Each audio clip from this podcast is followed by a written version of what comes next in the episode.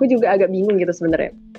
Ini apa ekonomi yang dikorbankan itu apakah dengan masuknya TKI TKI Cina atau ada hubungannya dengan beberapa sebenarnya beberapa undang-undang yang udah disahkan di bulan-bulan Mei kemarin ya. Eh bulan Mei ini ya. Nah, hari Selasa kemarin tanggal 12. Tanggal 12 Mei ya. Itu kalau nggak salah namanya UU Minerba ya.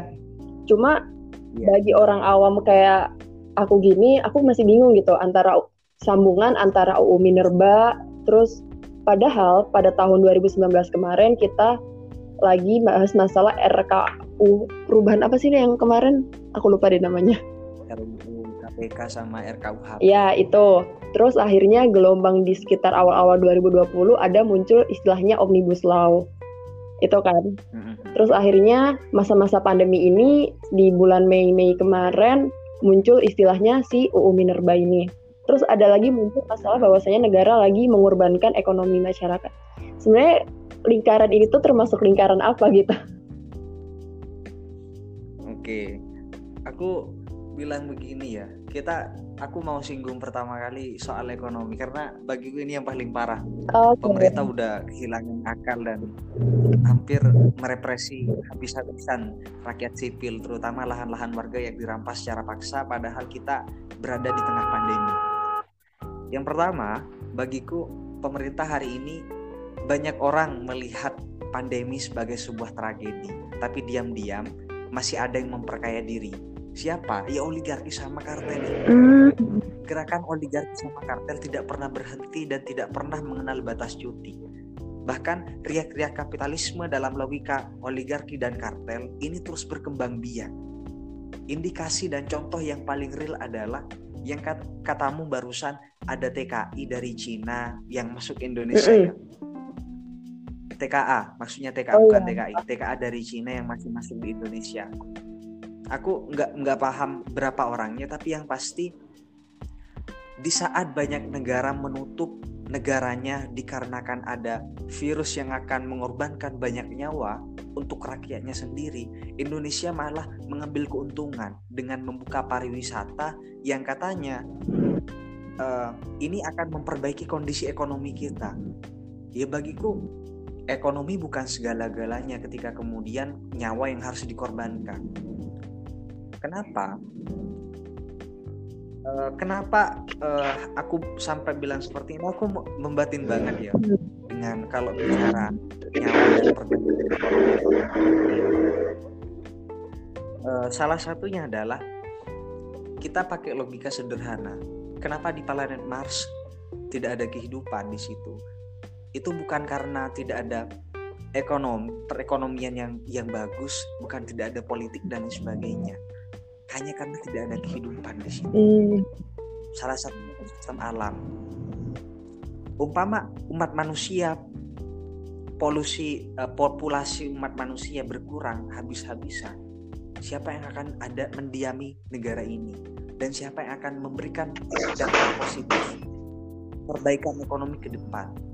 Oke ekonomi uh, artinya begini ya secara uh, sederhana hari ini pemerintah memberikan logika pasar untuk menyelesaikan pandemi. Itu itu yang pertama soal hmm. ekonomi. Ya terus yang kedua uh, apa sih kaitannya pembukaan keran-keran investasi asing mendatangkan orang asing ke Indonesia dengan undang-undang omnibus law RUU omnibus law OL aku bilang OL salah satunya kita tahu bahwa uh, eh, RUU omnibus law ini sengaja dibentuk untuk meningkatkan perekonomian Indonesia mm. ini adalah dalil dari pemerintah okay. adapun dalilnya adalah uh, Indonesia di tahun 2045 ini diperkirakan akan mencapai lima kekuatan ekonomi paling kuat di dunia. Dan termasuk juga target di tahun 2040 bahwa negara ini punya pendapatan tertinggi di bidang peningkatan investasi. Tapi ternyata kaitannya adalah harus ada lima hal dan ini disampaikan oleh uh, Profesor Maria Sriwulani yang dari Fakultas Hukum UGM. Lima hal ini yang harus dipenuhi adalah yang pertama stabilitas politik dan keamanan. Gitu. Dari yang pertama kita udah kehilangan akal loh. Stabilitas kita masih rendah dan kondisi keamanan kita pun juga begitu.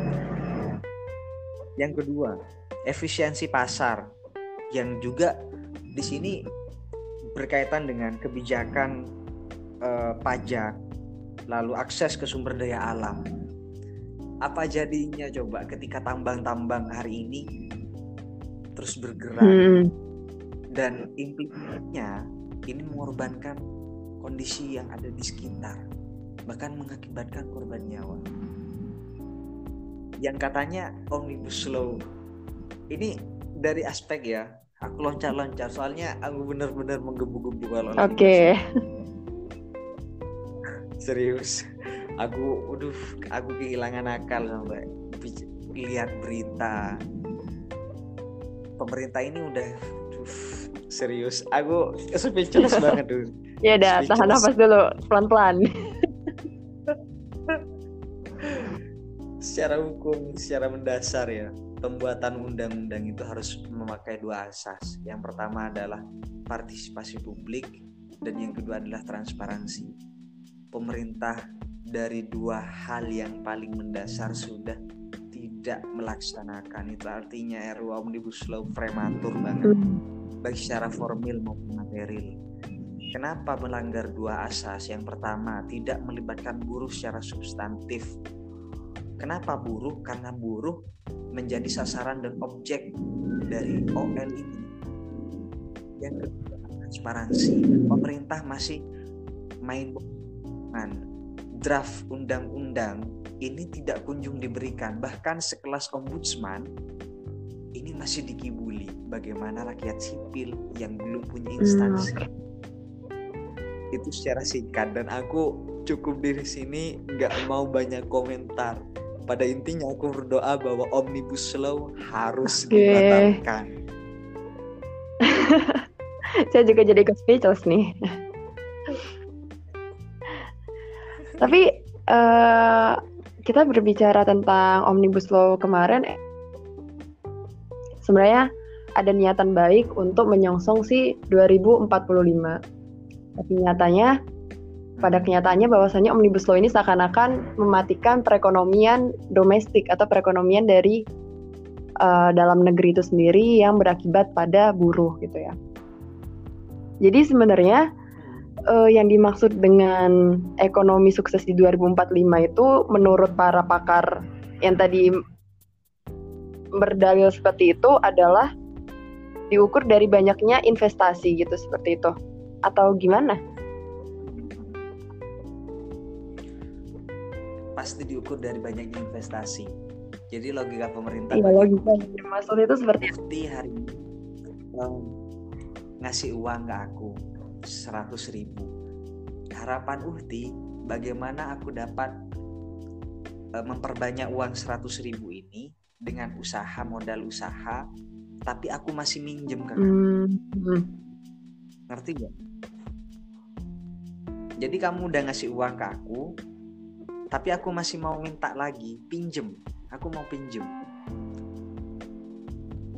tapi ini masih aku bilang terlalu baik ya yang paling buruk adalah pemerintah memberikan uang kepada orang gila gimana orang gila gak bakal ngasih apa-apa Iya mereka bisa jadi budak tapi tidak bisa memberikan efek, efek baik untuk kita. Oke. Okay.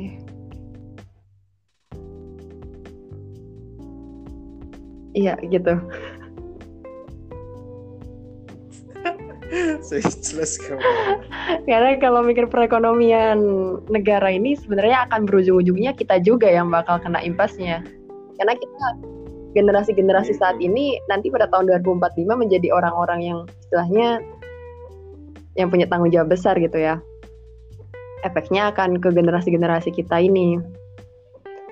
Oke, berbicara tentang Omnibus Law, sebenarnya saya masih heran sih, apakah ada hubungan antara omnibus law terkait den dengan si UU Minerba yang baru saja disahkan. Tadi kan kita udah berbicara tentang Omnibus Law dan harapannya OL ini nggak disahkan ya.